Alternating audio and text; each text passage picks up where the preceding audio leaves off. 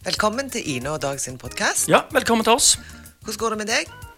Ja, det går bra. Jeg har begynt å um, kjøpt litt julepresanger. Jeg har et tre som står utfor og fryser og vil inn. så nei, det går bra. Så kommer ungene mine hjem i dag. Ja, Det var koselig. Ja. Mm, og så er jo dette siste episoden i 2020. Ja, det er det.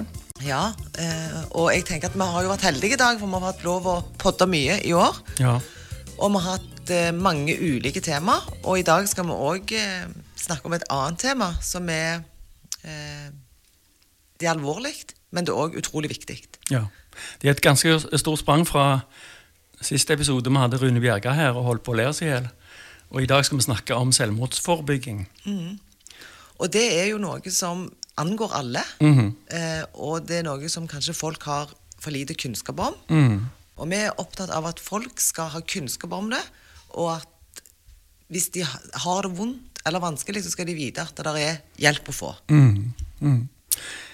Vi har ehm, to spennende gjester, og så har vi hatt en eh, telefonsamtale med en som sitter i frontlinja i hel eh, mental helse og tar imot telefoner fra folk nå. Og han eh, eh, har ehm, fortalt om hvordan eh, de jobber, og hva tanker han gjør seg rundt eh, hjelpearbeidet. Så det skal vi komme tilbake til. Tenker du på å ta livet ditt? Livet kan være tøft, men å snakke om selvmordstanker er kanskje det modigste du kan gjøre. Jeg kan ikke love deg at alt det vanskelige kommer til å forsvinne, men ofte så blir det bedre. Snakk om selvmordstanker. Det kan redde liv.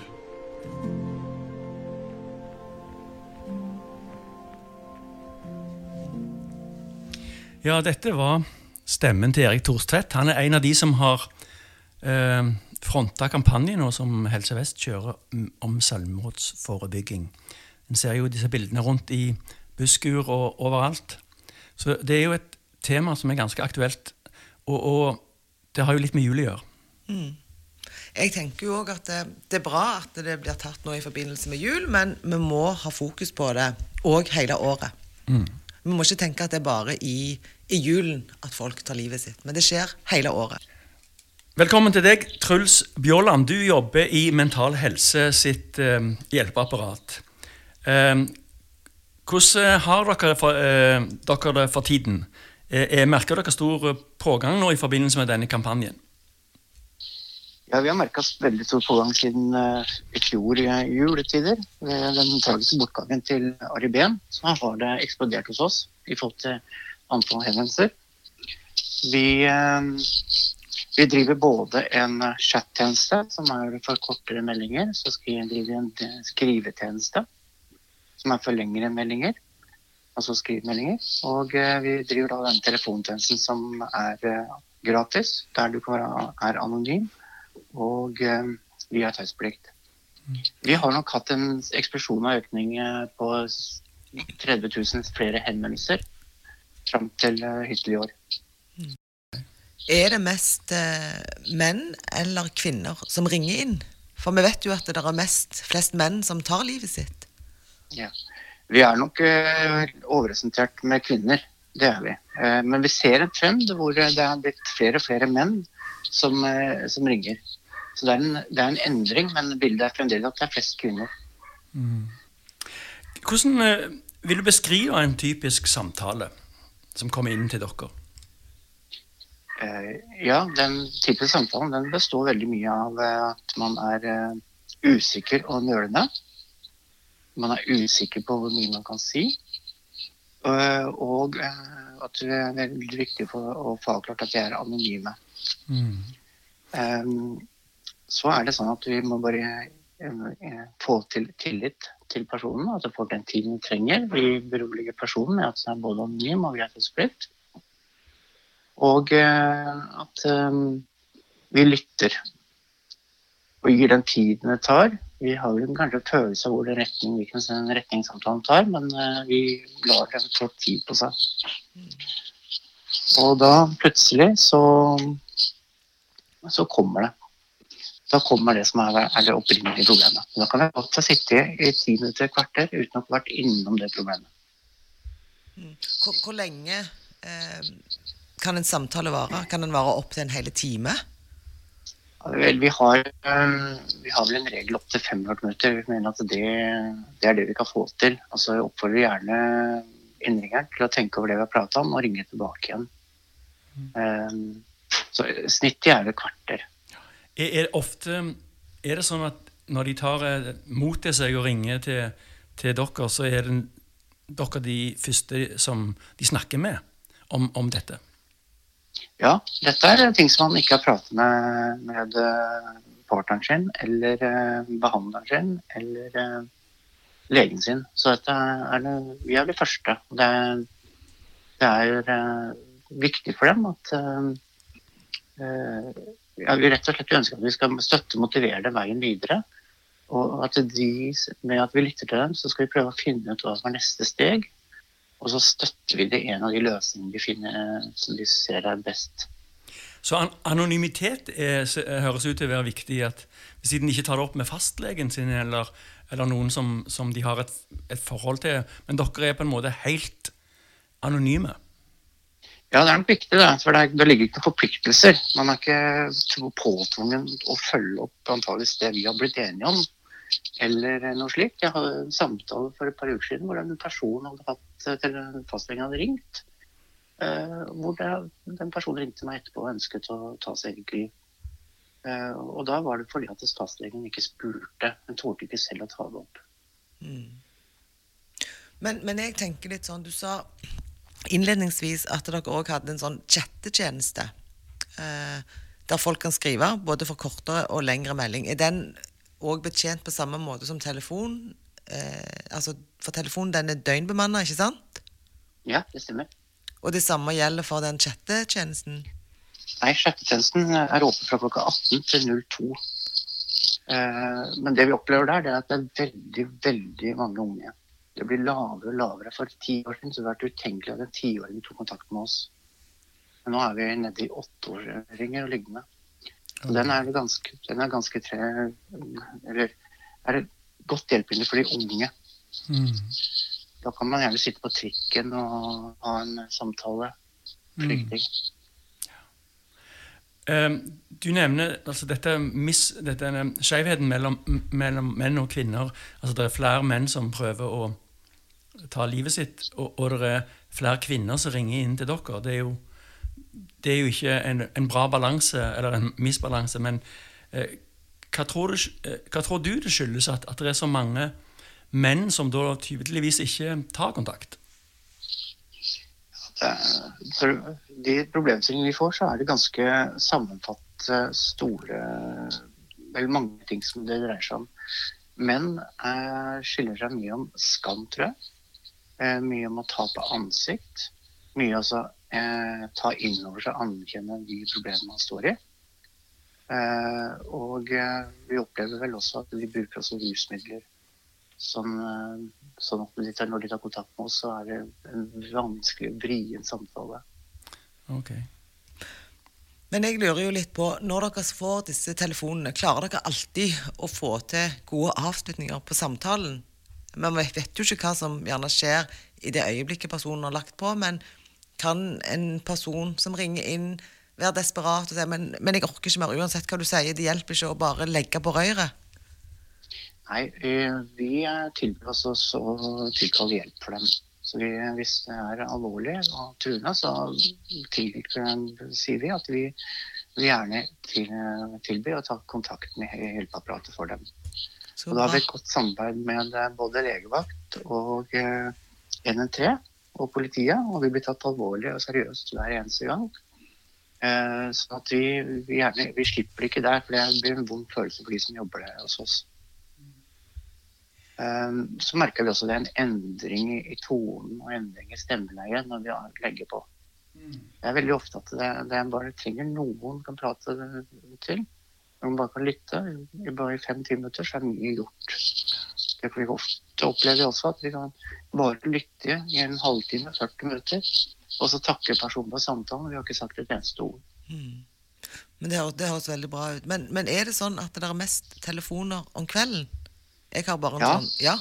Mm. Det er det. Det er eh, etter dagsrevyen-tid og frem til klokka tre-fire om natta. Så er det størst pågang hos er vi størst bemanning også. Merker dere litt sånn eh, litt sånn demografiske ting? Er det eh, ikke bare kvinner og menn, men, men er det sånn at eh, i forhold til sånn høy utdanning, lav utdanning, sosioøkonomisk ståsted, er det noe variasjon der? Ja. ja vi har alle grupper eh, i, forhold til, eh, i forhold til utdanning. Eh, Mm. Det vi merker, det er at storbyene er jo de som, eh, som vi har flest innringer fra. Men vi merker også en endring. For 10-15 år siden så var vi, hadde vi svært få samtaler fra Nord- Nord-Trøndelag, Innlandet og Finnmark. Men det har endret seg nå, at det ligger på lik linje. Ja. I, i, mange tiår har vi hatt, hatt, de har vært fraværende, disse fylkene der. Men det har kommet tilbake nå. Mm. Ok, Truls. Eh, Du får ha Tusen takk for at du delte litt av de erfaringene dere har i Mental Helse med oss. Ja. Eh, Så går vi jo mot en jul, så får jeg håpe at eh, dere eh, Jeg regner med at dere har åpent eh, 24-7 hele julen. Ja, det har vi. Vi Ja. har åpen mandag. Og jeg bare si en ting til. Vi har starta en ny tjeneste nå som, er, som gjelder foreldresport for eh, foreldre som har småbarn. Det har også fått veldig gode eh, henvendelser. Mange henvendelser. Ok, Er det et eget nummer, det? eller? Nei, det er samme nummer, men er- da når man kommer til 116 123, så kan, kan taster man to. Så Ja. man dit. Ok. Og vi skal, skal, en ting til også, vi skal starte også studenttelefon nå eh, over nyåret. Ja, det er jo kjempebra. borde Nei, Det må jo gjøres alt som kan. eh, alt må prøves. Ja da. Er, eh, hele kjeden må fungere, og vi må være tilgjengelige. Det er kjempeflott. Ok, Truls. Takk. Takk for at du var med. Ha det fint. God jul til deg. Det er viktig at, eh, at disse numrene, og der folk skal søke hjelp, at det blir gjort tilgjengelig. Så hvor kan de ta kontakt, Dag? Eh, ja, men Vi kommer til å legge alle numrene i, under episoden, og de, de fins jo overalt. Det har jeg inntrykk av på hvert busskur snart. Men vi kan jo si at eh, folk kan ta kontakt med fastlegen sin og, og få informasjon om, om hvilke tilbud som finnes der. Og så var det jo det som Truls var innom, at kanskje har du lyst til å være anonym. Da kan du, du kan f.eks. ringe legevakten hvis det er ganske akutt. Eh, 116 117. Og, og ved livstruende situasjoner så kan du altså Når det skikkelig er i stor krise, så kan du ringe nødnummeret 113. Og så er det disse her hjelpetelefonene som er døgnåpne. Og da er det Mental Helse. De er 116 123. Eh, Røde Kors 833 321. Og Kirkens SOS 22 40 00 40. Og de telefonene er døgnåpne. I tillegg så finnes det på helsenorge.no eh, et eget eh, et egen avsnitt eller egen side om selvmordsforebygging og, og alt det en kan gjøre. Men vi har eh, to spennende gjester, som du sa. Og den første gjesten eh, det er Gudrun Austad, som jobber på RVTS i Bergen. Som er psykiatrisk sykepleier. Velkommen til deg. Tusen takk. Kanskje du bare sier litt hva RVTS er, der du jobber? Litt kort om hva det er. Jo, det kan jeg. Det står for Ressurssenter om vold, traumatisk stress og selvmordsforebygging. Så vi er et eh, ressurssenter som driver med kompetanseheving for all slags hjelpere. Så kort sagt så kan jeg si at vi hjelper de som skal hjelpe andre. Ja. Eh, og du sa eh, dette med selvmordsforebygging. Eh, når du sa det, så tenker jeg det er en del av, av den jobben du gjør. Eh, en del av jobben din. Eh, og hvordan jobber dere eh, selvmords... Altså hvordan bruker dere kompetansen deres for å ut i, i samfunnet, eller til de andre hjelperne? Vi arrangerer ulike kurs, og nå for tiden webinarer, om hvordan de skal f.eks. samtale med en som sliter, eh, følge opp noen som har prøvd å ta livet sitt, eller tenke på selvmord, eh, hvordan en skal støtte etterlatte etter selvmord, altså alt det de kan ha bruk for i sin jobb for å kunne forebygge selvmord. Altså en helsesykepleier på en skole trenger noe annet enn en lege på et sykehus, f.eks. Så vi tilpasser opplæringen etter hvem vi har foran oss. Når du ser på I Norge så har vi høye selvmordstall. Eh, høye, altså stabile, men høye. Eh, hva tanker gjør du deg om, om hvorfor det er sånn i Norge, og spesielt dette her med menn, at de er overrepresentert? Nå ligger jo ikke Norge på uh, statistikktoppen når det gjelder selvmord i verden. Det vil jeg gjerne understreke. Uh, men de er for høye, og vi ligger sånn på verdensbasis midt på treet. Uh, og nå kom nettopp de siste tallene fra Dødsårsaksregisteret for 2019. Og da var det registrert 650 selvmord. Og det som vi ser, er at du sa de er stabile. Ja, de er stabile, men det er akkurat som en får de ikke ned. Eh, et begrep er rate, altså hvor mange det skjer med per 100 000 innbyggere. Og når en ser på det, for vi blir jo flere innbyggere i Norge, så er den raten stabil. Det er sånn rundt 11-12 per 100 000 selvmord per år. Og med eh, det fokuset som vi har nå i samfunnet på selvmord, som vi ikke hadde på 70-tallet, 80-tallet og 90-tallet, eh, så skulle vi jo ønske at eh, vi hadde fått tallene ned, men det står ser ut som det står litt fast. Um, og så spurte du om noe med menn, var det ikke det? Mm. Ja, altså Det er jo flere menn enn kvinner som uh, gjennomfører selvmord. Og sånn er det i hele den vestlige verden, og i Norge. Og så er det flere kvinner som gjør selvmordsforsøk. Og det er jo et paradoks, for det at det å gjøre selvmordsforsøk er jo en risikofaktor for å gjennomføre selvmord. Um, men det er altså flest menn som dør i første forsøk. Og noen forklaring på det skulle jeg gjerne hatt en enkel og grei forklaring, for da kunne en gått inn med forebyggende tiltak retta mot akkurat den grunnen til at flere menn tar livet sitt. Men det er nok sammensatt. Mm. Uh, vi vet at færre menn oppsøker hjelpeapparatet. Det er flere kvinner som jobber i hjelpetjenestene. Um, ennå er vel kanskje det å ha handlekraft et ideal for menn. Mens det å snakke om det og søke hjelp er sett på som kanskje litt mer kvinnelig.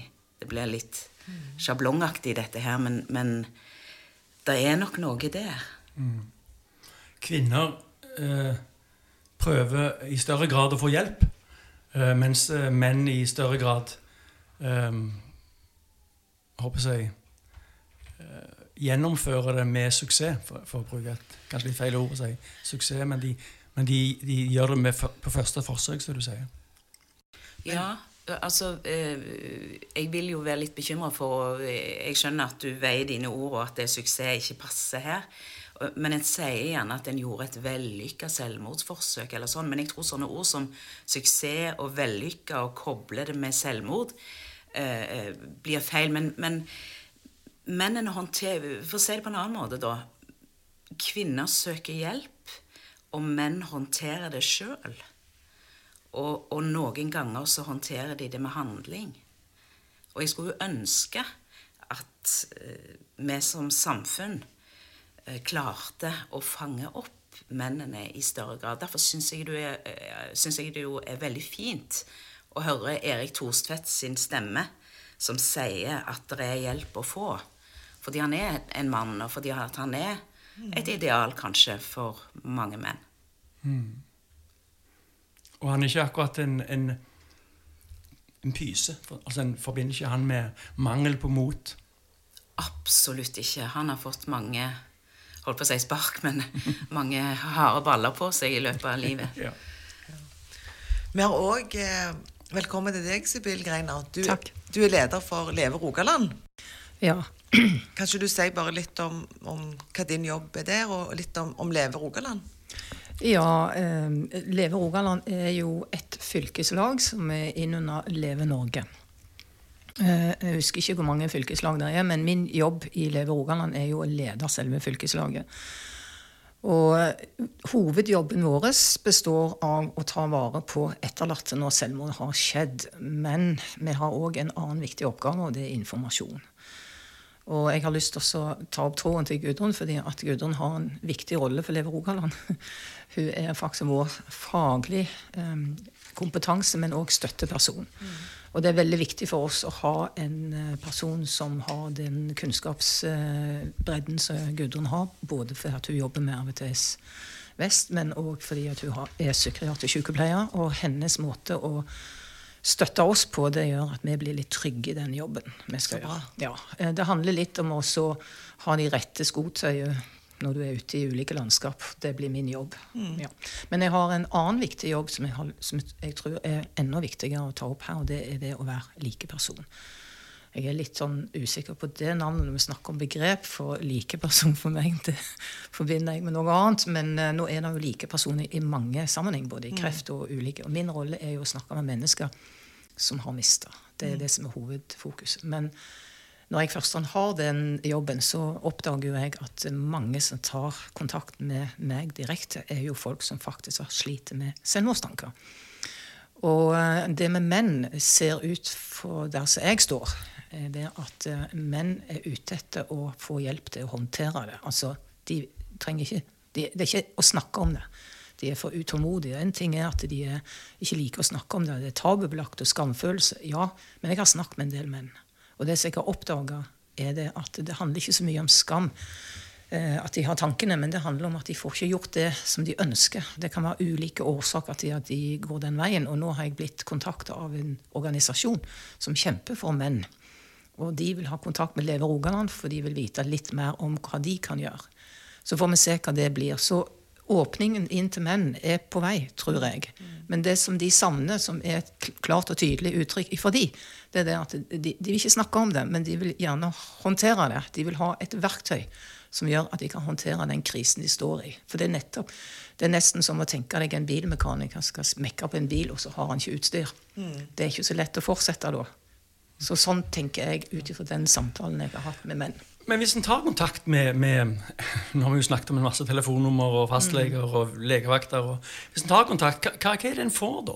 Altså hvis, hvis, jeg har mistanke om kreft, så går jeg og får en diagnose, og så setter de i gang og, og gjør en haug med ting. Cellegift og strålebehandling og operasjoner og you name it. Men hva er det en suicidal eller en, en person med selvmordstanker får av hjelp? Helt konkret. Ja, Det kommer jo an på, uh, vil jeg nesten si, hvor suicidal vedkommende er. For det er jo veldig stor forskjell på å ha tanker om at jeg orker ikke dette livet lenger, kanskje jeg skal ta livet mitt, til å gjøre selvmordsforsøk. Uh, eller tenke at nå holder jeg ikke ut mer, nå legger jeg planer for det selvmordsforsøket. Altså, mitt poeng er at det er langt fra tanke til handling, da. Sånn at har en selvmordstanker og går alene med de, så kan jo de vokse seg større. Og i det tilfellet så kan jo hjelpen bare være å finne en trygg person å snakke med. Og det trenger kanskje ikke være et profesjonelt hjelpeapparat heller. Det kan være en, en eh, lærer eller en mor eller en, en kompis. Og det er jo det denne Helse Vest-kampanjen har som målgruppe at du og meg og alle eh, skal våge å bry oss og stille et direkte spørsmål til de vi er bekymra for. Ikke bare spør hvis eh, vennen din er blitt litt trist eller ser litt nedfor ut, men hvis du liksom kjenner på en sånn åh, kan det være kan det være så alvorlig at han ikke vil leve lenger? Da sier Helse Vest-kampanjen at du kan spørre direkte, og de oppmuntrer til det. Så det er jo én type hjelp. Men hvis en er nærmere et selvmordsforsøk eller et selvmord, så en jo, vil en jo få en selvmordskartlegging på legevakten. En lege kan gjøre det de kaller for en selvmordsrisikovurdering. Det betyr ikke at de kan forutsi om vedkommende kommer til å ta livet sitt eller ei, men de kan gjøre en vurdering av hvor stor faren er, og ikke minst eh, hva type hjelp som trengs. Og da fins det jo ulik type hjelp. Noen fastleger har jo pasienter i jevnlige samtaler. Helsesykepleiere på skoler har elever som de snakker jevnlig med. Um, og så fins det jo eh, distriktspsykiatriske sentre og mm. psykiatriske avdelinger. Sånn at hvis faren er overhengende altså La oss si at en står på en bro og er i ferd med å hoppe.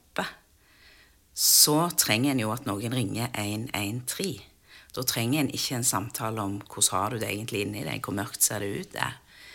Sånn at svaret mitt på ditt spørsmål er at det kommer så an på hvor vedkommende er. Mm. Men selvmordsforebygging er ikke en jobb kun for det profesjonelle helsevesenet. Jeg tror liksom det er det at Eller det, det jeg tenker, og, og Helse Vest-kampanjen tenker, at hvis en kan få satt litt lys på det vonde tidlig nok, så er det hjelp å få før en trenger psykiatrien.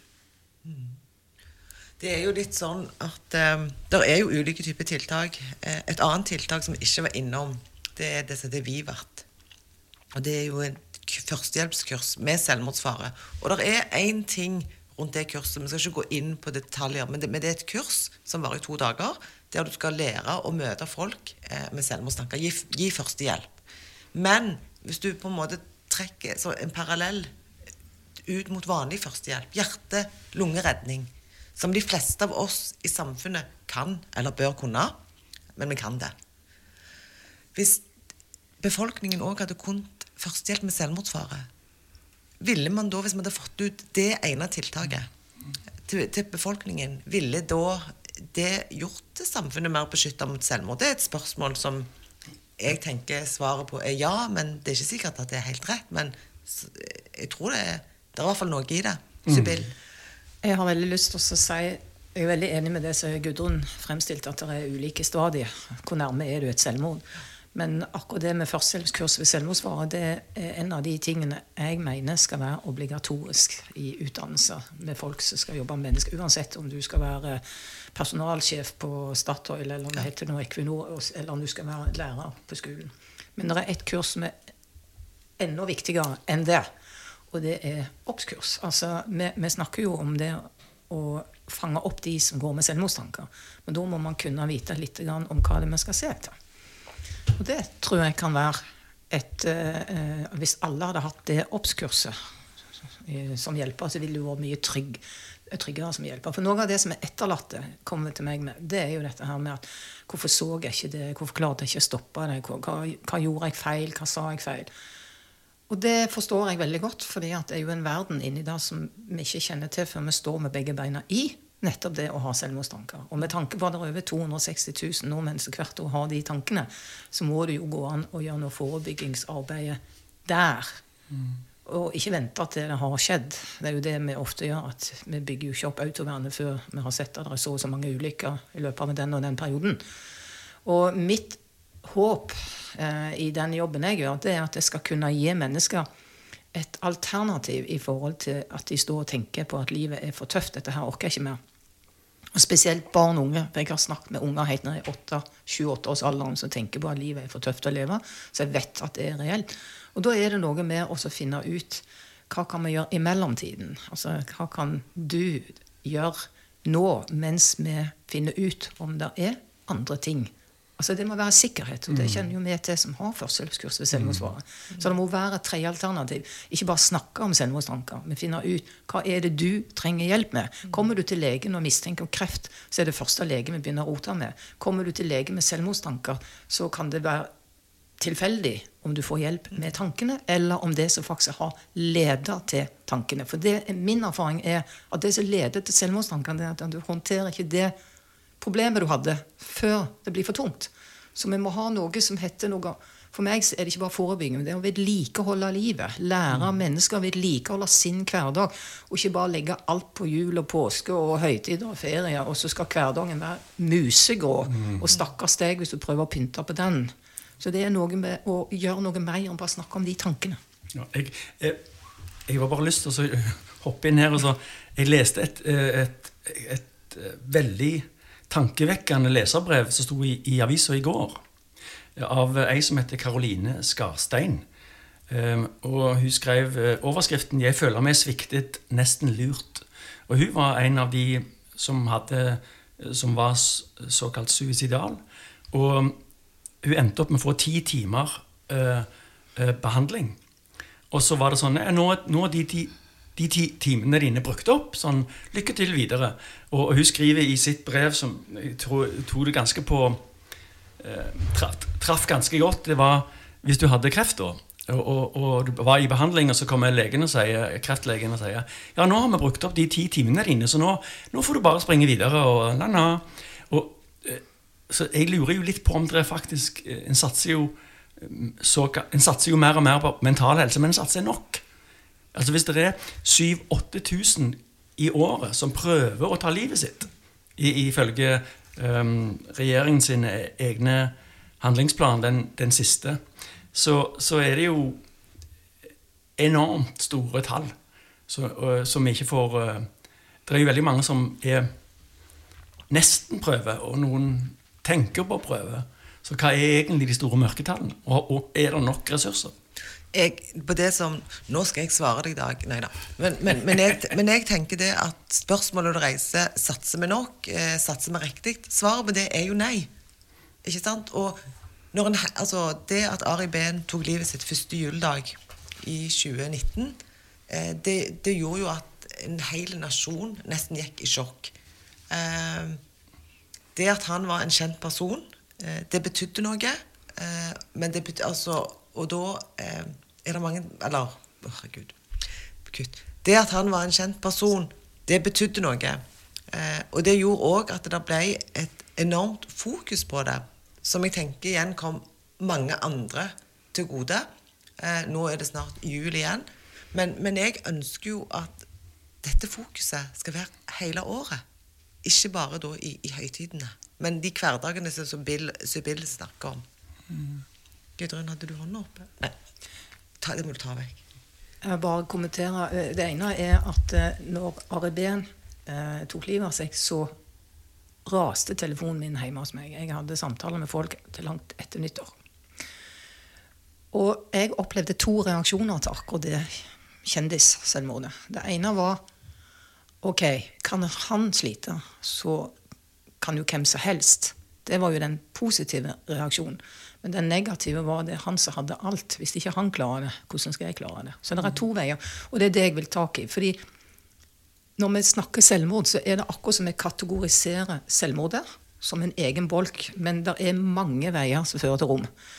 Eh, vi har spiseforstyrrelser, vi har eh, dårlig selvfølelse, vi har eh, folk som strekker seg himmelhøyt som barn, og så klarer de ikke mer, og så tar livet av seg. Så jeg mener, skal man virkelig forebygge eller hjelpe mennesker med det med selvmordstanker, så må vi òg ha et hjelpeapparat som et nettverk som fanger opp, eller som jeg sa inne på eh, departementet, at vi må terskelen for å få hjelp må være så mye lavere enn det å ta livet av seg. Det må være sånn at folk snubler i tråder på veien inn i hjelpeapparatet. Det må ikke bare være ei dør hvor folk står i kø.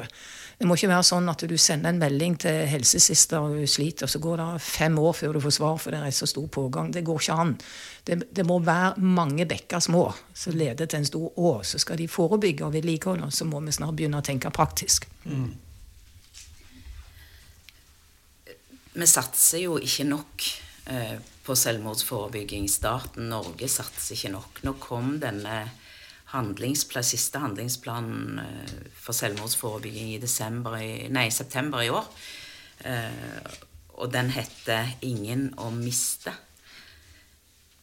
Og så ble vel den behandla i statsbudsjettet, og der var jeg inne og så hvor mye penger de har satt av til den. Mm.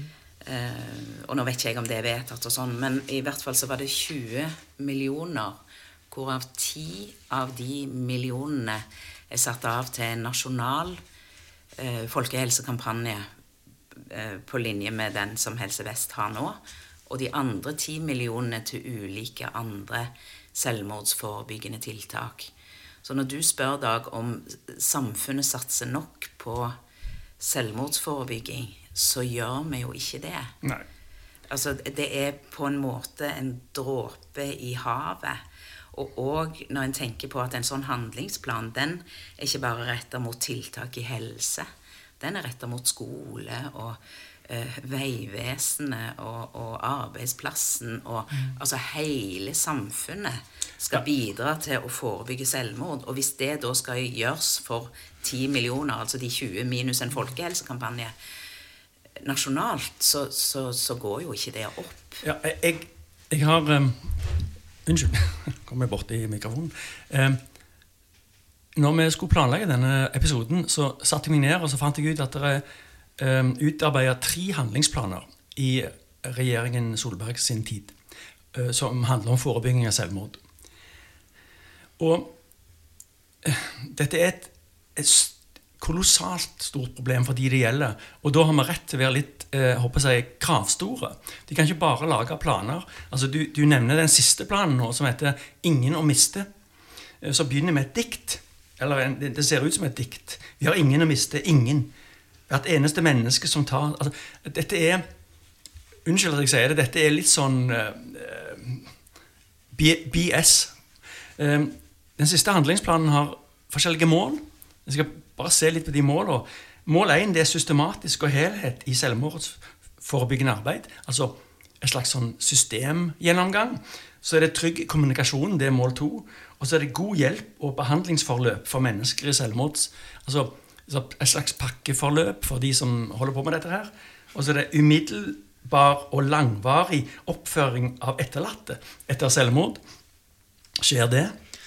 Det kan jeg godt si. at uh, Hvis det skal skje, så må vi bare fortsette å jobbe gratis. For det er ikke noen millioner til oss. Men det er faktisk, vi gjør en kjempejobb. Og uh, jeg sa inne på uh, departementet at vi føler oss litt som en pilot på en jumbojet. Mm. Med ansvar for flere hundre mennesker, men kun med to timers utdannelse. Ja. Og sånn er det. Ja, altså, vil bare ta det siste punktet, som handler om selvfølgelig forskning. For at kunnskapsutvikling er, er, liksom, det er visstnok nøkkelen til, til det meste. om det var håper jeg, barnevernet eller hva som helst. Så mer kunnskap, så går det nok bra. Jeg synes, eh, Nå, nå sitter jeg liksom som og, og, mener her, men jeg mener at dette ikke er, er bra nok. Jeg synes ikke det, det, tar ikke av for meg. Nei, det gjør det ikke for meg heller. Og, og eh, jeg tror jo at eh, Kutt. Eh, det gjør det ikke for meg heller. Og hvis man skal klare å forebygge, så må man inn legge mer penger på bordet, og en må ha mye tydeligere føringer og, og tiltak i samfunnet. Mm. Det er jo ikke bare regjeringen Solberg som har hatt uh, lagt handlingsplaner. Det har vært selvmordsforebyggende handlingsplaner i Norge siden tidlig på 1990-tallet. Mm. Så Norge var et av de første landene i verden med selvmordsforebyggende planer. Mm. Men til tross for det så går ikke tallene ned. Mm. Det er heldigvis ikke en voldsom økning, men vi skulle jo gjerne ha klart å få de ned. Så eh, jeg syns personlig at denne siste handlingsplanen kanskje er den mest konkrete av de jeg har lest fra begynnelsen av 90-tallet. Men jeg er enig med deg, Dag, i at det er ikke konkret nok. Mm. Det... I forhold til hvem som har ansvar for hva. For veldig mange av tiltakene i denne, nei, denne handlingsplanen eh, er regjeringen vil påse at regjeringen skal sørge for at sånn og sånn skjer. Men, men, at det er veldig lite konkretisert hvem som egentlig får ansvaret for de enkelte tiltakene. Det var vel noe av det som ble tatt opp inne når jeg var gjest og snakket på vegne av Leve. Eh, dette her med å konkretisere ting. Eh, ikke snakke om eh, ord som bør og skal og må, alt det der, for det har ingenting med virkeligheten å gjøre. Vi må sette ting i presens form. Det må skje nå. ikke sant? Og vi trenger faktisk da å ha alle aktørene på banen, og alle bør ha enten det er i en jobbsammenheng eller i undervisningssammenheng. Det bør inn på alle skolene. Oppskursene bør være helt obligatorisk Uansett om du jobber på en barneskole, om du jobber i en barnehage, for du har ikke bare ungene der, men du har kolleger. Eh, og en annen ting er jo det her med å ikke gjøre Vivat-kursen som du nevnte. Altså førstehjelpskurs og oppskurs. Det med å lytte, det å finne ut hva skal jeg se etter. De må ikke bare være tilfeldige, at det skal styres av penger. Det skulle være obligatorisk. Staten skulle gått inn og finansiert hvert eneste kurs.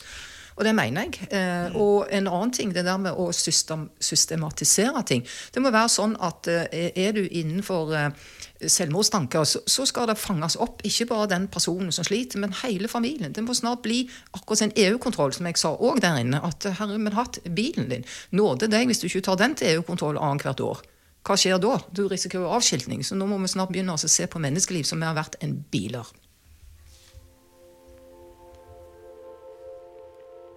Det jeg begynner å bli litt lei av, det er at, det er at man ikke kan snakke om det.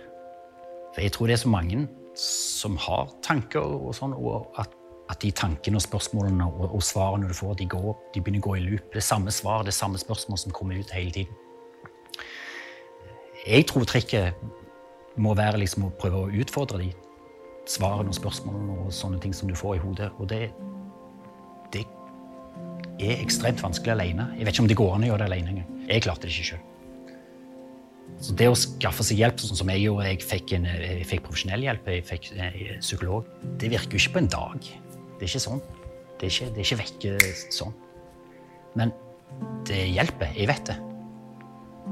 Det å, det å snakke om snakke om selvmordstanker og, og det, det, det tror jeg, eller jeg vet, at det redder liv.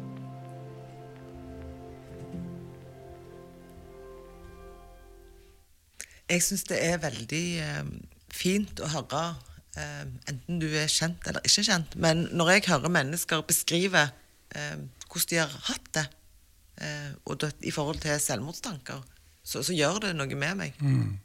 Dette var Kristoffer Joner, for de som ikke eh, klarte å høre det. Mm. Han er en av de som fronter sammen med en rekke andre kjente folk, skuespillere og, og kjendiser, denne kampanjen som Helse Vest står bak. Og jeg, jeg, tror jo det, igjen, som vi har vært inne på tidligere, at det med åpenhet, det at eh, noen andre tør å fortelle, gjør det gjerne lettere for deg sjøl å fortelle. For vi vet jo at det er veldig, veldig mange mennesker som kanskje har tenkt på det. Det betyr ikke at de har gjort forsøk. Men de fleste av oss har jo hatt sånne tanker en eller annen gang i livet. Mm. Ja, vi snakket litt om dette mm, OBS-kurset. Ehm, kan du fortelle litt, Gudrun, hva, er det? OPS, OPS, står for oppmerksomhet på selvmordstanker. Så det er et kurs som varer sånn tre-fire timer. Der en lærer seg å bli nettopp oppmerksom på om en person en er bekymra for, tenker på selvmord, og så lærer en seg å spørre. Ja. Jeg, jeg har jo vært på et sånt kurs et år siden, og jeg husker det veldig godt. Og jeg, jeg følte at jeg tok et sånn syvmilssteg fra liksom å være en, en ja, liksom, Dette har jeg aldri tenkt på. Så var det du, Ine, som, som tvang meg med på dette kurset. du, du, mente at dette bør jeg gå på, og jeg, jeg angrer ikke i det hele tatt.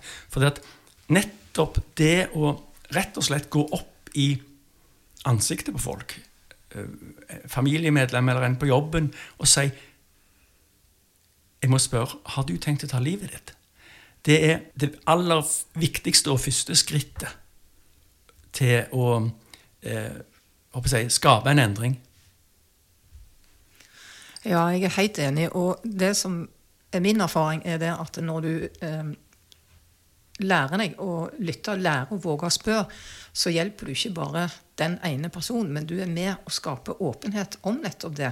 Og jeg er helt enig med Kristoffer Joner. Han sa jo akkurat det samme som jeg pleier å si, at det er ikke bare det at det kan redde liv, det gjør faktisk all det.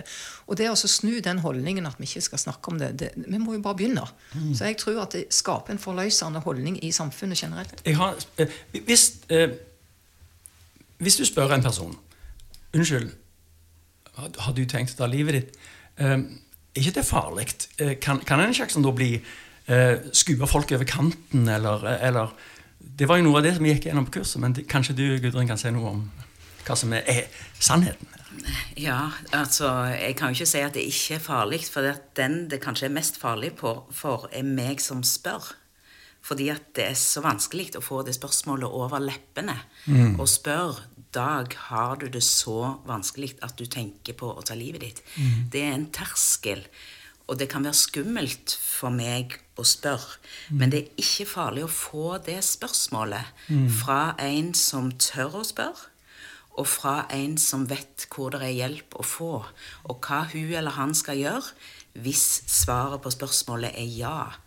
Og hvis en på forhånd da eh, har satt seg inn i hvor er det hjelpetilbud i mitt eh, område, før en spør. Altså Det går an å gå inn på Helse Vest sine sider. Der står det lister over hjelpetilbud. Hvis en har det i ryggen, hvis jeg har det med meg, inni meg, eh, før jeg spør en person, så er det mye lettere for meg å kunne gjøre det. Gjøre Fordi litt research først, liksom. ja, for å, å eh, stive seg litt opp, eller gjøre seg litt tryggere. For det at hvis en spør og ikke aner hva en skal gjøre hvis svaret blir ja, så er det på en måte farlig. Det er et spørsmål som du stiller av omsorg, men du må òg vite Du må kunne- til legevakten, liksom. Du, du, må, du må kunne ta imot uh, den, den verst mulig tenkelige utfallet. Ja, At, ja. At, at ja, det hadde jeg faktisk tenkt å gjøre i morgen. Liksom. Hadde, eh, så da må en jo være klar til det. Ja, og det er jo nettopp det som kanskje er en av de store utfordringene. At nettopp fordi folk ikke vet uh, hva de skal si hvis de svarer ja. Hvis du spør noen har du tenkt å ta livet ditt, og, og den personen svarer ja, så har en, føler en ikke har nok oversikt eller kunnskap om hva en skal gjøre. Og det er jo derfor igjen vi må slå et slag for disse OBS-kursene og Vivat-kursene. For på den måten så sitter jo, vil folk ha den førstehjelpskunnskapen med seg. Jeg, jeg har jo vært eh, i behandling eh, hos eh, um, i, i det mentale eh, mental helseapparatet, og har blitt spurt noen ganger faktisk av eh, fagfolk da, eh, om jeg har selvmordstanker. Og i det første gangen det skjedde med meg, så fikk jeg jo nesten sjokk. Men jeg, det var et litt godt sjokk òg, for jeg, svaret på det var nei for min del. Jeg hadde ikke tenkt på det, men, men det var greit å vite at så grundige er de her. Men da er vi inn, inne på det som vi snakker om med hjerte- og lungeredning. At selvfølgelig En lege kan jo hjerte- og lungeredning, men clouet var jo å få alle til å kunne litt. Og da, da, Det er jo det disse kursene handler om. At alle skal være i stand til å kjenne igjen, gjøre den researchen som skal til, og gå rett inn i løvens hule holdt jeg på å si, og, si, og spørre det spørsmålet. Ja, og så vite at hvis svaret er ja, så er det ikke mitt ansvar. eh, hele dette livet til den personen er ikke mitt ansvar å både redde og behandle. Jeg som venninne eller kollega. Men mitt ansvar er å hjelpe personen videre til rette hjelpeinstans, eller bare én hjelpeinstans som kan ta det imot. Jeg har lyst til å øh, skifte bitte litt fokus på øh, over til etterlatte. Ja. Og som jeg sa her, så var det en 7000-8000 som forsøker å ta selvmord. No, noen av de klarer det. Det betyr jo at det er kolossalt mange mennesker i Norge som er nær eh, slekt, eh, gift med folk som har prøvd, eller har klart det. Og, og hva, hva, hva gjør en for de? For det, det er jo utrolig traumatisk at eh, far prøvde å ta selvmord. Når, eh, han, han klarte det ikke. Eller mor. eh, Eller, eller søster mi. Hva skjer? Eh, Jeg får ganske mange sånne henvendelser, ikke bare etter at selvmordet har skjedd, men faktisk da spesielt foreldre som har barn som er ut og inn, og som gjør 100 forsøk. Altså de, de lever i en evig sånn angst for når skjer det. Og jeg kan ikke gjøre så veldig mye for akkurat de. Da er de på en måte pårørende før de blir etterlatt. Men da gjør jeg det veldig enkelt. Jeg snakker med de, selvfølgelig. Og så ber jeg de om å få hjelp til seg sjøl som pårørende med å sette det i forbindelse med pårørendesenteret. Fordi den rollen de tar, det er som hjelpere til vedkommende. Og de sliter så vanvittig med det, for de får ikke den hjelpen. De føler seg jo òg svikta av samfunnet, og de står hjelpeløse. Så da er det så viktig at de som familie og nære relasjoner får hjelp til seg. Og det er jeg veldig konsekvent på, for de trenger det. Og jeg har snakket med mange familier fra hele fylket. Og jeg har bare én ting å gi dem, og det er en nummer til pårørendesenter, eller hvor de kan gå inn på nettsida og få det nærmeste. Og få hjelp til hele Blir familien. blir de fulgt opp det? Altså, Det gjør de hvis de tar kontakt med på. Jeg har vært med folk og satt i forbindelse, med, og jeg har snakket med noen av de etterpå. De har vært så greie og tatt kontakt og gitt beskjed, og de har fått hjelp. Ikke bare til den personen som har mista en far, f.eks., som i ett tilfelle, men òg fordi dette her var et ungt par, og hennes tap av faren skapte problemer i samboerforholdet. Og de hadde òg en baby. Så da satt vi sammen og tok kontakt med Pårørendesenteret. Og jeg var så heldig at de kontakt, kontakta henne mens jeg var der. Og i dag så har de fått hjelp ikke bare til henne, men òg til mannen hennes og hele familien. Eh, Helsedirektoratet har jo òg gitt ut en veileder for oppfølging av etterlatte etter selvmord, som heter 'Etter selvmordet'.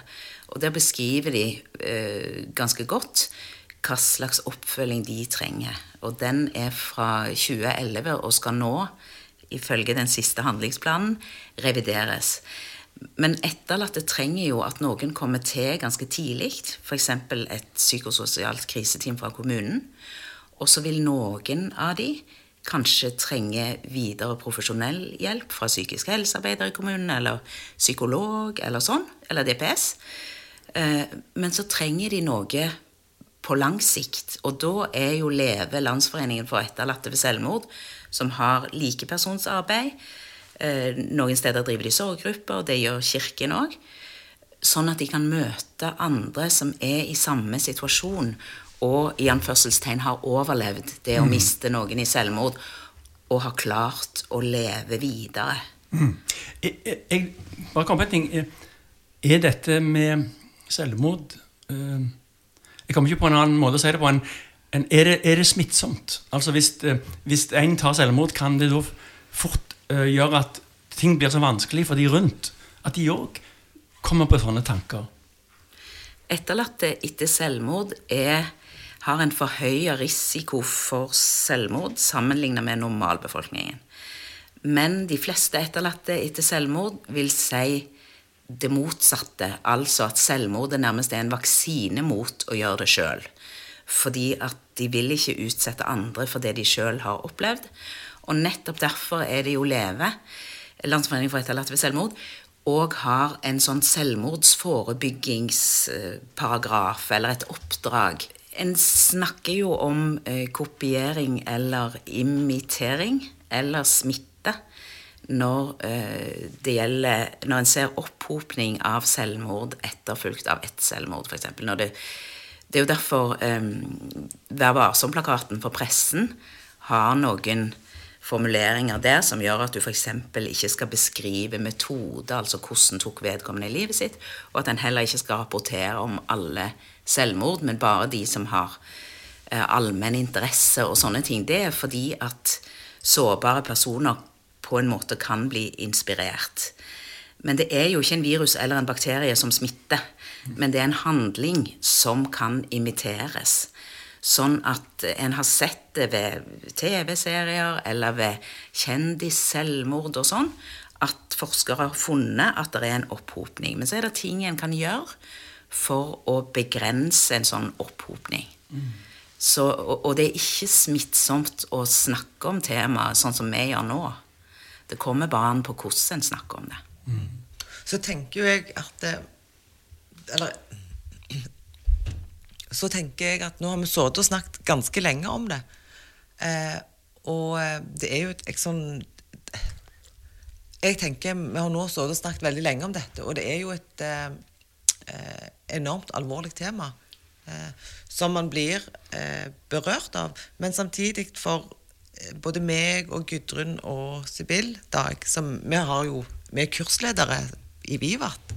Eh, for oss er det gjerne mer naturlig å snakke om. Men så tenkte jeg litt på deg som, som ikke er det, men som er bare en, en vanlig person som ikke er inne i fagfeltet. Hvor flink og hvor mye du kan om det til å ikke være det. Og så tenker jeg du må jo være et ideal for den vanlige mannen i gata. Ja, men det mener jeg. Ja, det, det var dine ord. For hvis alle hadde vært som deg, ja. så nysgjerrige og klart og vågt og tørt å gå inn og snakke om det, så hadde du jo denne her beskyttelsen i samfunnet. Ja, altså, jeg, jeg, tror jo at jeg har større sannsynlighet for å treffe på en i min omgangskrets som har tenker om selvmord, enn at jeg går forbi Stokkevatnet, så er det en som holder på å drukne, og jeg må kunne hjerte- og lungeredning. Altså, eh, Det er bare til å se på tallene, det. Så er det klart det er jo større sannsynlighet. Jeg har bare lyst til å si noe med det, det som du nå nevnte, det her med den vanlige mannen i gata, og hvis alle var som deg, Dag. Eh, Jeg tror at det handler litt om at for oss som skal være hjelpere, vi må kanskje ha en liten følelse av at det arbeidet jeg gjør, uansett hvor lite jeg kan, og det faktisk er viktig. Så når jeg har samtaler med folk som sliter, så pleier jeg alltid å avslutte den samtalen med at husk at verden vil aldri være den samme uten deg. Det er så viktig å se verdien av det vi mennesker gjør, uansett hvor lite det er. For de som skal være hjelpere, og de som trekker seg unna og ikke våger å spørre, det er ikke for, alltid fordi de er så redde for å spørre, men fordi de er så livredde for at de skal mislykkes. Det der ordet 'mislykkes' det burde snart vært kasta ut av hele vokabularet, for det ødelegger jo for alle. Altså, Enten så vinner du, eller så lærer du. Så den der holdningen at vi er tapere, eller vi stryker til eksamen, og jeg er så fedd opp av det. Så hvis vi kan begynne å se på de der små stegene vi faktisk tar, at de betyr all verden. Uansett hvor lite vi gjør, så betyr det noe. Og det må vi få ut i samfunnet. Ja, eh, Det var godt sagt, det du sa. Verden blir aldri den samme uten deg. Og eh, at en aldri må tenke at ting blir bedre hvis jeg blir borte. Eh, det, det er faktisk et falsum. Eh, så eh, jeg tror kanskje vi kan begynne å runde litt av jeg nå. Denne siste episoden før jul med et veldig alvorlig tema. Og eh, Viktig tema. viktig tema. Det, fins masse hjelp å få. Eh, det er bare å ta kontakt, så sitter der eh, fullt av folk som er flinke, og som vil høre på deg. Og, og snakke om det som, eh, det som du sliter med. Så må vi si takk til gjestene våre. Ja. Tusen takk for at dere kom. Takk, Takk for at vi fikk være med. her. Ja. Ja, Og så, eh, må vi vel si god jul. God jul, ja. God jul til alle sammen, og ha det bra. Og så slutter vi av med eh, en eh, eh, siste bit fra kampanjen til eh, Helse Vest. Ha det bra. Er det noen du er bekymra for? Tenker du at det er farlig å spørre om de tenker på å ta livet sitt? Det kan kjennes veldig vanskelig ut, men det er viktig. Det er ikke så viktig hvordan du spør, men det viktigste er at du faktisk spør. Ikke pakk det inn, men vær tydelig. Si at du spør fordi at du er glad i dem, og at du skjønner at det er vanskelig, men det fins andre løsninger enn å ta sitt eget liv. Det går an å få hjelp. Og det å være åpen og snakke om selvmordstanker er det første steget. Snakk om selvmordstanker. Det kan redde liv.